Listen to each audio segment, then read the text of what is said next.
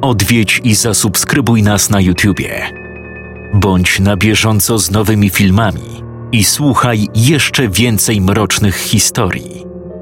Mystery TV Więcej niż strach.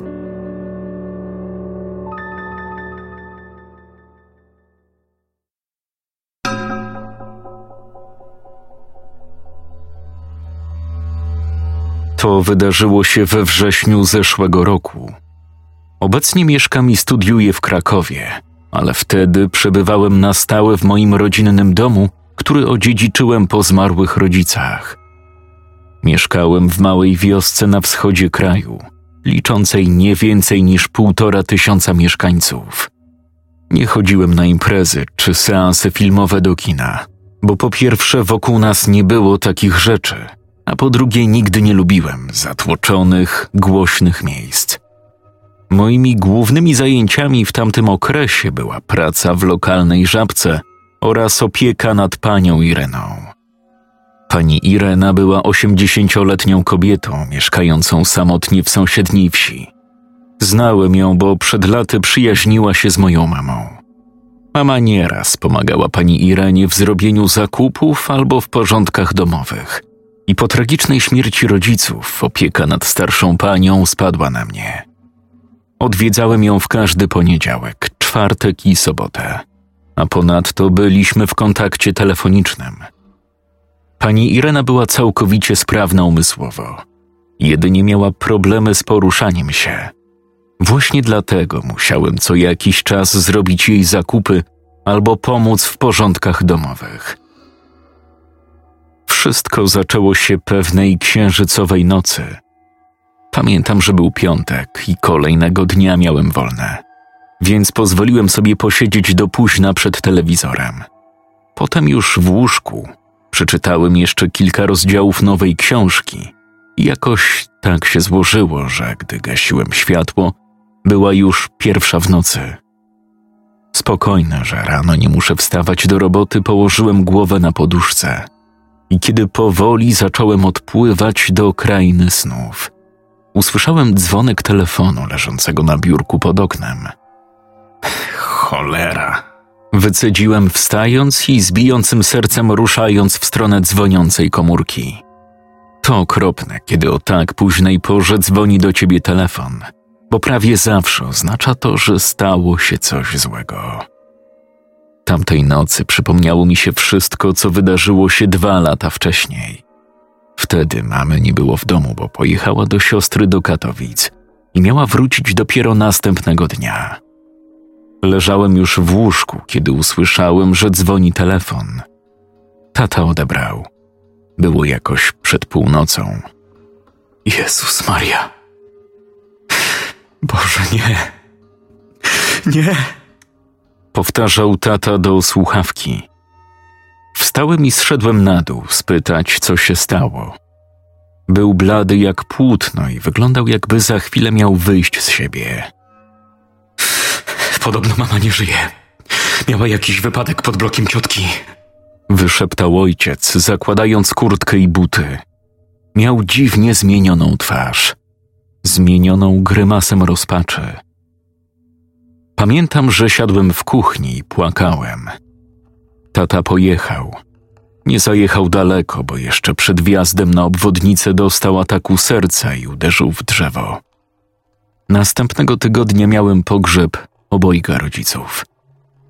Tak więc już wiecie, dlaczego moje serce waliło coraz szybciej, kiedy zbliżałem się do dzwoniącego telefonu i kiedy zobaczyłem na wyświetlaczu numer pani Ireny.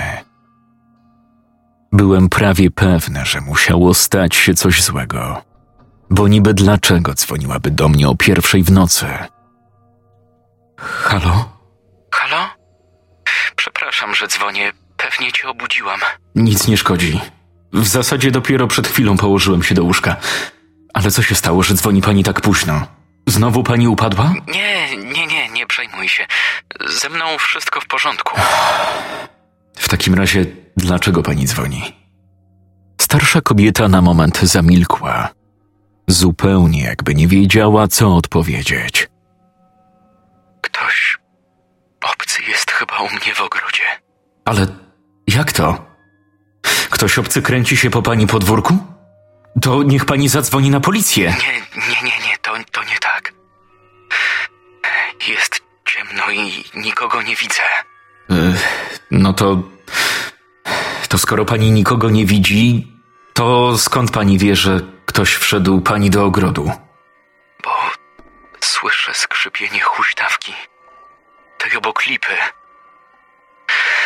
Ktoś huśta się na tej huśtawce.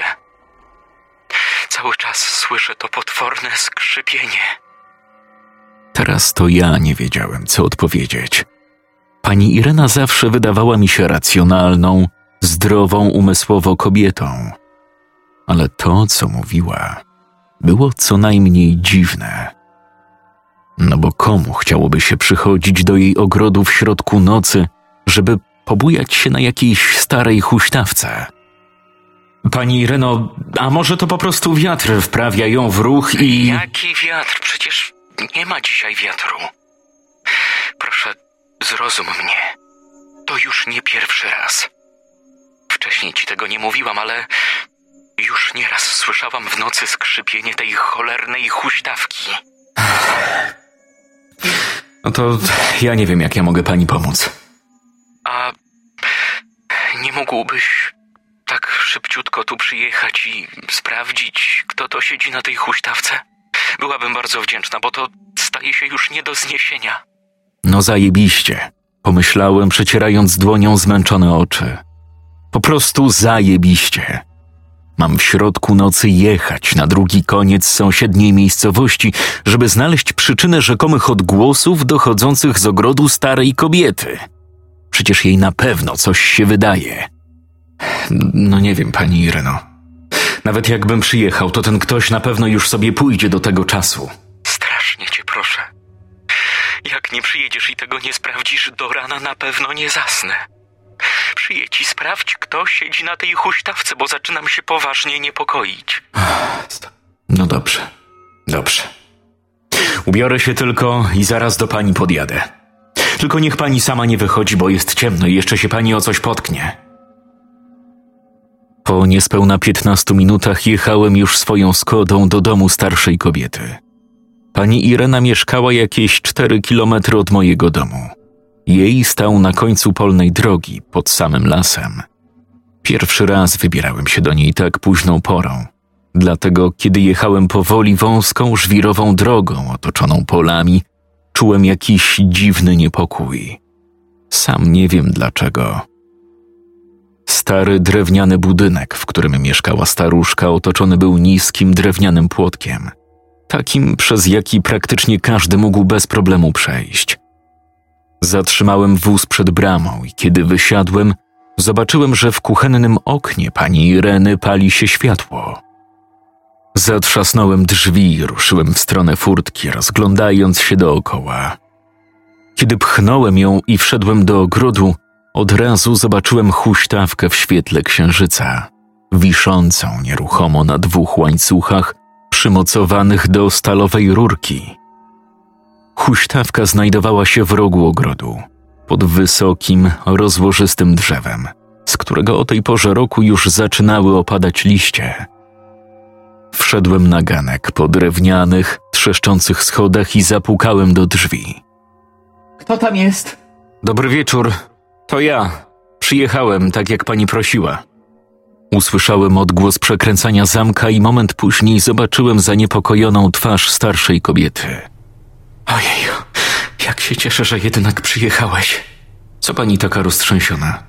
W ogrodzie, ani przy tej huśtawce nikogo przecież nie ma. Przed chwilą dosłownie ucichło to skrzypienie. Cały czas słyszałam, jak ta huśtawka skrzypi i jakieś pięć minut przed twoim przyjściem wszystko ucichło. Widocznie ten ktoś usłyszał, że nadjeżdżasz i uciekł. Ale jest pani pewna, że nic się pani nie przesłyszało? Może, tak jak mówiłem, to wiatr ruszał huśtawką. Przecież gdyby ktoś uciekł, kiedy tu jechałem, zobaczyłbym go biegnącego drogą albo przez pola. No chyba, że ten ktoś uciekł do lasu za pani domem, ale wątpię, żeby tak było. To na pewno nie był wiatr. Dzisiaj przecież nie wieje. Cały czas było ciemno, więc nikogo nie widziałam. Dopiero przed chwilą wyszedł księżyc. Poza tym i tak mam problemy ze wzrokiem, ale przysięgam. Ktoś huśtał się na tej przeklętej huśtawce. No dobrze, dobrze, wierzę pani, ale co mam zrobić? Teraz nikogo tutaj nie ma. No wiem, wiem. Ponownie wyszliśmy na ganek. Pani Irena była tylko w koszuli nocnej i kapciach, ale nie przejmowała się, że się przeziębi. Pamiętam, że panowała akurat wysoka temperatura, jak na tę porę roku. A skąd pani ma w ogóle tę huśtawkę i po co ona pani? Ta huśtawka jest już bardzo stara. Zamontowaliśmy ją jeszcze z moim mężem, jak nasza Ania była mała. Teraz ma już prawie 40 lat i od dawna mieszka w Londynie. Pamiętam, jak uwielbiała huśtać się na tej huśtawce jako dziecko. Ach, tak strasznie za nią tęsknię. Przykro mi pani Ireno. Córka często do pani przyjeżdża? Kiedyś przyjeżdżała dwa razy do roku, a teraz to już czasem i na święta nawet nie przyjedzie, tylko dzwoni. Ale to nie to samo. Strasznie za nią tęsknię. Za nią i za moimi wnusiami. Jeszcze raz zapewniłem starszą panią, że w jej ogrodzie na pewno nie ma nikogo obcego. Po czym pożegnałem się i ruszyłem w stronę samochodu. Wychodząc przez furtkę, usłyszałem odgłos zamykanych drzwi domu kobiety. Zastanawiałem się nad całą tą dziwną sytuacją. Czy rzeczywiście ktoś mógł zakraść się do ogrodu staruszki, by pochuśtać się na huśtawce? A może ona ma jakieś omamy? To przecież możliwe w tym wieku. Już miałem wsiąść do samochodu, kiedy nagle usłyszałem jakiś szelest w pobliskich zaroślach, za którymi zaczynał się las. Halo? Jest tam ktoś? Cisza. Słyszałem jedynie szczekanie jakiegoś psa w oddali. Z tego wszystkiego ja też zaczynam mieć omamę. Gdy przyjechałem do domu, było już po drugiej w nocy. Położyłem się i nawet nie wiem, kiedy zasnąłem. Spałem do dziesiątej. Minęły może dwa, trzy dni, kiedy sytuacja znowu się powtórzyła. Tym razem pani Irena zatelefonowała do mnie nieco wcześniej niż poprzednio, ale i tak było już grubo po dwudziestej drugiej. Wyciągałem akurat ręcznik z szafy, bo zamierzałem iść wziąć prysznic, kiedy usłyszałem dzwonek telefonu. Westchnąłem, widząc na wyświetlaczu numer starszej kobiety. Halo? To ja. No, dobry wieczór.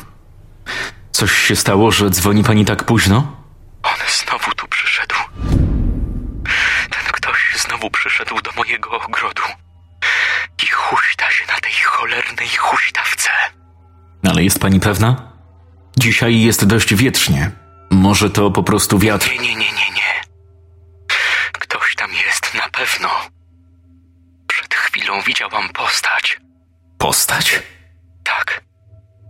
Wyszedł akurat na chwilę księżyc i widziałam, że. że ktoś siedział na tej huśtawce. Ona cały czas trzeszczy. On tam ciągle jest. No to niech pani wezwie policję, skoro ktoś włamał się na pani posesję. Nie, nie, nie. Nie chcę wzywać policji. Nie chcę robić afery. Może to tylko jakieś dziecko zakrada się, żeby się pobawić. A przyjrzała się pani tej postaci? W ogóle ktoś dorosły zmieściłby się na tej huśtawce? No właśnie, wydaje mi się, że nie. No dobra. Niech pani nie wychodzi z domu. Spróbuję tam podjechać i zatrzymam się nieco dalej od pani domu, żeby ten ktoś nie usłyszał tym razem silnika. Spróbuję się dowiedzieć, kto to taki panią niepokoi. Byłabym bardzo wdzięczna. Przepraszam, że zawracam ci głowę, ale to już powtarza się zbyt często. Tak więc zamiast pod prysznic udałem się do samochodu, którym w 10 minut zajechałem do polnej drogi, na końcu której mieszkała pani Irena. Postanowiłem zaparkować wóz w tamtym miejscu i pokonać te kilkaset metrów pieszo, mając nadzieję, że tym razem nie spłoszę intruza i że ten ktoś nadal będzie przebywał w ogrodzie starszej pani.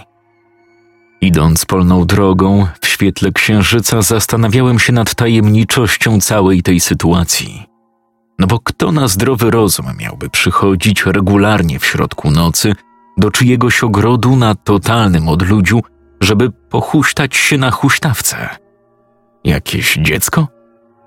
Owszem, dzieci wpadają czasem na szalone pomysły, ale jest przecież noc do jasnej cholery.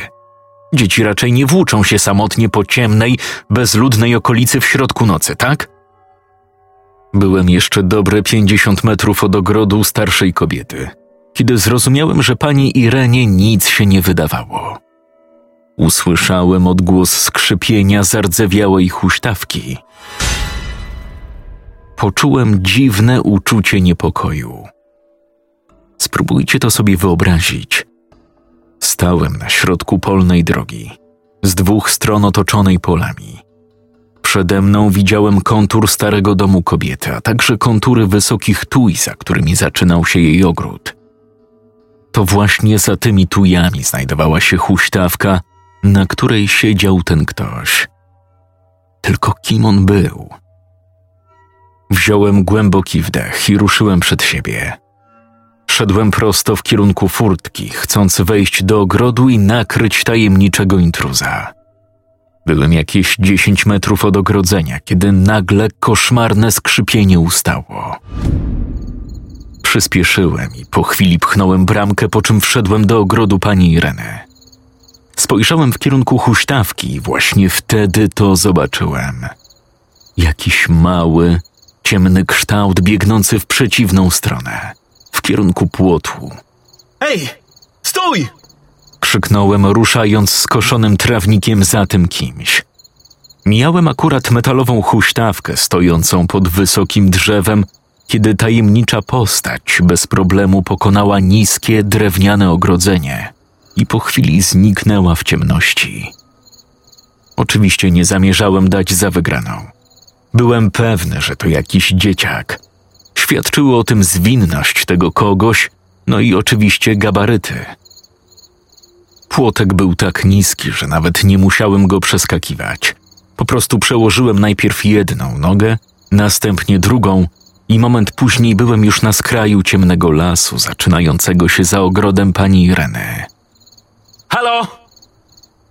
Wiem, że gdzieś tu jesteś. Nie wiesz, że nie wolno zakradać się na cudzą posesję? Wszedłem do lasu.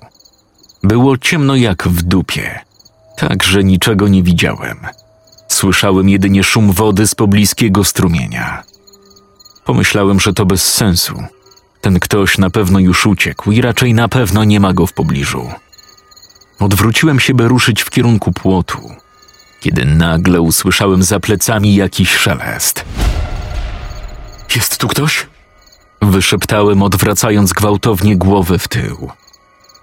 Po dosłownie kilku sekundach moich uszu dobiegł dźwięk łamanej gałązki. Odwróciłem się w prawo i gdy zrobiłem dwa kroki w przód, znów coś usłyszałem. Jakby odgłos szybkich, płytkich oddechów wydobywających się z ust kogoś, kto stał dosłownie kilka metrów przede mną. Tylko, że ja nic nie widziałem, bo akurat zaszedł księżyc i było tak ciemno, że nie dało się dostrzec nawet konturów własnej dłoni trzymanej przed samymi oczami. Latarka. Przecież mam w kieszeni telefon. Wyjąłem komórkę i odszukałem przycisk uruchamiający latarkę. Wyciągnąłem rękę z telefonem przed siebie i wcisnąłem ten przycisk. Kiedy zobaczyłem jej twarz, jęknąłem mimowolnie, a komórka prawie wypadła mi z ręki. W sumie to nie wiem, czemu się tak przestraszyłem. Przecież nie ujrzałem przed sobą czarownicy, ducha, upiornej opętanej lalki czy jebanego klauna sto. Stała przede mną mała dziewczynka o ciemnych, długich włosach i błękitnych oczach. Opierała się o pień drzewa i wyglądała na wystraszoną. Ej, co ty tu robisz? Dziewczynka nic nie odpowiedziała. Patrzyła tylko na mnie tym swoim przenikliwym wzrokiem. Ej, czego ty od niej chcesz? Odezwał się nagle za mną dziecięcy głos. Odwróciłem się i zobaczyłem ciemnowłosego chłopca, który mógł mieć maksymalnie 13 lat, podobnie jak dziewczynka. tu się dzieje? Ola, chodź, nie bój się. Wracamy do domu. Rzekł chłopiec, podchodząc do wystraszonej dziewczynki i chwytając ją za rękę. Ej, powoli, nie tak prędko. To wy huśtaliście się na tej huśtawce? No pytam się, to wy od jakiegoś czasu zakradacie się na cudzą posesję, by pobawić się na huśtawce? Pytam się! Tak, ale o co panu chodzi? My tylko z siostrą przychodzimy się tu pobawić czasami. Jak masz na imię kolego? Ja? A widzisz tu innego kolegę? Jestem Tomek. Oznajmił chłopak, którego twarz była dziwnie wykrzywiona. Zupełnie jak u osoby z jakimś upośledzeniem. Tak, od razu zorientowałem się, że ten chłopiec był trochę upośledzony. Nie świadczył o tym jedynie jego wygląd, ale też sposób mówienia. Tomek, tak? A to twoja siostra? Jak masz na imię? Ona nie umie mówić. Ma tak od urodzenia. Aha, rozumiem. Wiecie, że nie pozostawiacie mi wyboru i musicie zaprowadzić mnie do swojego domu? Co? Ale dlaczego? My już wracamy, znamy drogę powrotną. nie ma takiej opcji, żebym nie porozmawiał sobie z waszymi rodzicami. Wydaje wam się, że to normalne, że dwójka dzieciaków szlaja się po nocy po ciemnym lesie? Już pomijam, że notorycznie włamywaliście się na czyjąś posesję. Po moich słowach dziewczynka zaczęła płakać. Tomek objął siostrę i coś jej powiedział szeptem do ucha. To przepraszamy. Już nigdy więcej nie będziemy przechodzić przez ten płot. Tylko proszę pozwolić nam już pójść samym. Z jednej strony chciałem puścić te dzieciaki, bo za nic w świecie nie chciało mi się składać wizyty w ich domu o tej porze. Z drugiej strony, coś mi się w tym wszystkim nie podobało i wiedziałem, że nie mogę tego tak zostawić. Posłuchajcie. Albo zaprowadzicie mnie do swoich rodziców, albo wezwę policję. Bo to nie jest normalne, że osoby w waszym wieku spacerują same o tej porze. Wasi rodzice w ogóle są w domu? Tak więc nie dałem tym dzieciakom innego wyjścia. Musiały zaprowadzić mnie do swojego domu.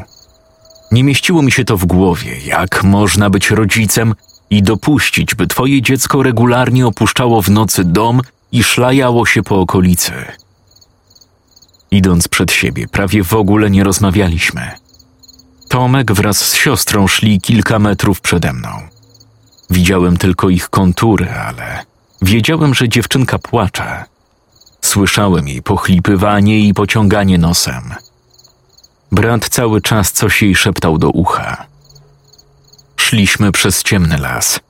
Jedyne, czego udało mi się dowiedzieć, to, że mieszkają gdzieś w sąsiedniej wiosce, która rozpoczynała się zaraz za tym lasem.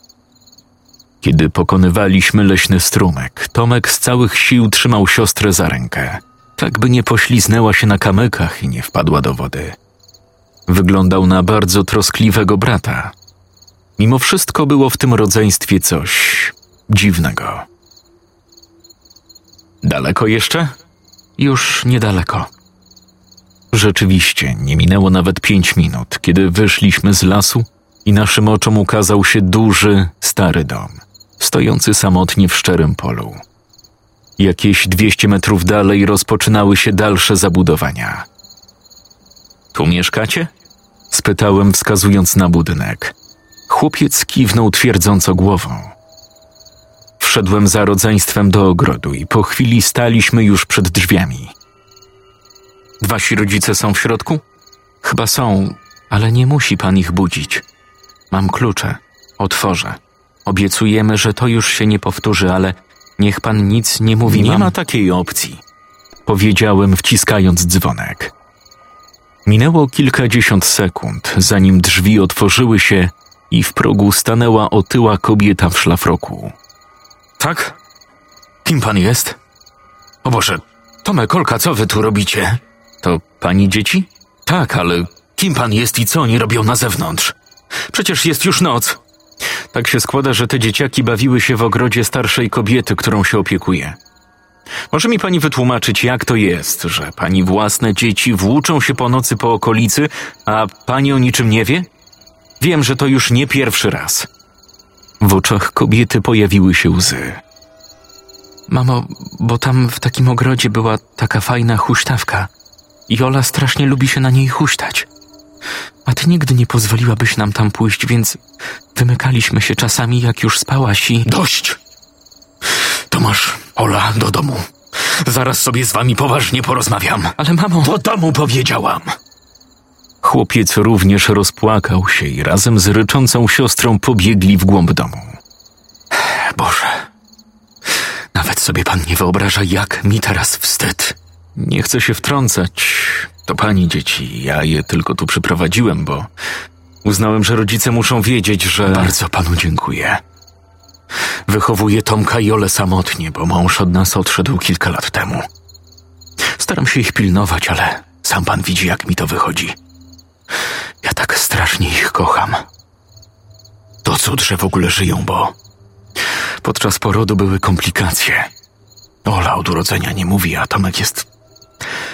Tomek jest trochę opóźniony. To pewnie stąd te durne pomysły. Zauważyłem, że pani syn jest bardzo opiekuńczy względem siostry. Ola i Tomek są bardzo ze sobą zżyci. To w końcu bliźniaki. Już wcześniej wpadali na różne głupie pomysły, ale w życiu bym nie pomyślała, że będą zdolne wymykać się nocą z domu. Po chwili pożegnałem się z matką rodzeństwa i ruszyłem w kierunku leśnej drogi. Sumie to zrobiło mi się trochę żal tych ludzi. Kobieta może i wyglądała na trochę nierozgarniętą, ale widać było, że kocha swoje dzieci. Pozostawało mi mieć nadzieję, że od tego momentu zacznie ich trochę bardziej pilnować i sytuacja, w której samotnie włóczą się po okolicy, nie będzie miała już więcej miejsca. Minął tydzień, może dwa tygodnie. W tamtym okresie nic nadzwyczajnego nie działo się w moim życiu, no może poza bolącym zębem. Ząb bolał mnie coraz mocniej i mocniej. W końcu ból zaczął promieniować i po kilku dniach bolała mnie już cała szczęka. To było koszmarne uczucie. Pamiętam, że był poniedziałek, kiedy zadzwoniłem do dentystki i umówiłem się na wizytę na czwartek. Wkurwiało mnie, że będę musiał tyle czekać, ale lepsze to niż nic. Dentystka zaznaczyła, bym nie przegapił terminu, bo wtedy będę musiał umówić się na nowy, a w efekcie czekać jeszcze dłużej. Tamtej nocy z poniedziałku na wtorek w ogóle nie potrafiłem zasnąć.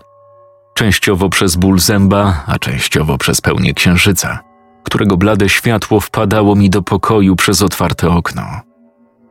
Leżałem i liczyłem w głowie owce. Doliczyłem jakoś do pięćdziesięciu, kiedy nagle zadzwonił telefon. Wstając, spojrzałem na zegar. Było w pół do pierwszej.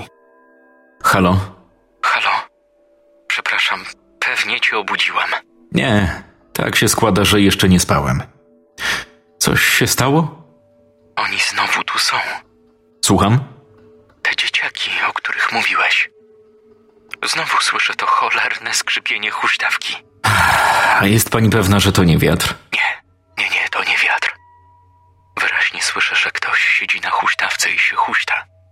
Jak wyjrzałam przez okno, to widziałam nawet czyjąś sylwetkę. Sylwetkę dziecka. Pani Ireno, niestety nie przyjadę. Strasznie boli mnie ząb. Wiem, co to za dzieciaki i wiem, gdzie mieszkają, więc obiecuję, że wybiorę się do nich w ciągu dnia i jeszcze raz porozmawiam z ich mamą. Dobrze, dobrze by było. Może to trzeba gdzieś zgłosić, bo przecież to nienormalne, żeby takie małe dzieci goniły po wsi po nocach i to jeszcze same. Tak się jakoś złożyło, że cały kolejny dzień miałem zajęty i nie mogłem udać się do domu Tomka i Joli. Podobnie w środę. W czwartek rano postanowiłem wreszcie to załatwić i udać się do domu rodzeństwa. Było kilka minut po trzynastej, kiedy zaparkowałem samochodem w pobliżu ich domu. Postanowiłem, że nie będę owijał w bawełnę i powiem jej, że w nocy z poniedziałku na wtorek starsza kobieta znowu widziała w swoim ogrodzie jej dzieci i że jak się to powtórzy jeszcze raz, to zgłoszę to odpowiednim służbom.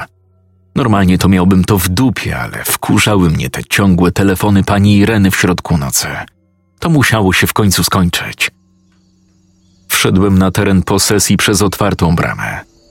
Byłem jakoś w połowie drogi między bramą a gankiem, kiedy usłyszałem za sobą wołanie. Halo? A pan w jakiej sprawie? Odwróciłem się i zobaczyłem starszego mężczyznę stojącego za ogrodzeniem. Dzień dobry. Ja do tej kobiety, która tu mieszka. Mam ważną sprawę. Nie wie pan, czy jest w domu? Starzec zrobił dziwną minę. Do dziś pamiętam to spojrzenie. Kamienne, posmutniałe spojrzenie. Och, to pan nic nie wie? Myślałem, że jest pan jakimś inkasentem albo. Nie, nie, ja po prostu mam sprawę do tej kobiety w związku z jej dziećmi. O, czyli nie słyszał pan o tej tragedii? Tragedii? No, w niedzielę się to stało. Znaczy, znaleźli ich w niedzielę. Martwych. Nawet ciężko mi o tym mówić. To była w końcu moja najbliższa sąsiadka. Ale. Ale co się stało? Ja mieszkam w innej miejscowości, więc nic nie wiem. Czad. Zaczadzili się. Ona paliła w piecu, żeby zagrzać wodę. Znaleźli ich w niedzielę rano. Ją i jej dzieci. Byli martwi w swoich łóżkach. Odnalazła ich jakaś tam ich ciotka. Przyjechała, bo nie mogła się dodzwonić. Mimo, że przecież byli to dla mnie ludzie zupełnie obcy, nie potrafiłem dojść do siebie przez kilka kolejnych minut. Opuściłem posesję i w głębokim zamyśleniu ruszyłem w kierunku wozu zaparkowanego nieopodal. To takie okropne. Usłyszeć o tragicznej śmierci trójki osób, w tym dwójki dzieci. Dzieci, z którymi kilka dni temu przecież rozmawiałem. Zapaliłem papierosa i oparłem się o maskę samochodu. Życie jest takie zjebane. Nagle jakaś myśl mignęła mi w głowie. Myśl ta sprawiła, że zrobiło mi się słabo, a ząb zaczął mnie boleć jeszcze mocniej. Kurwa. Ja pierdolę. Poczułem, jak lodowaty pot zalewa mi plecy.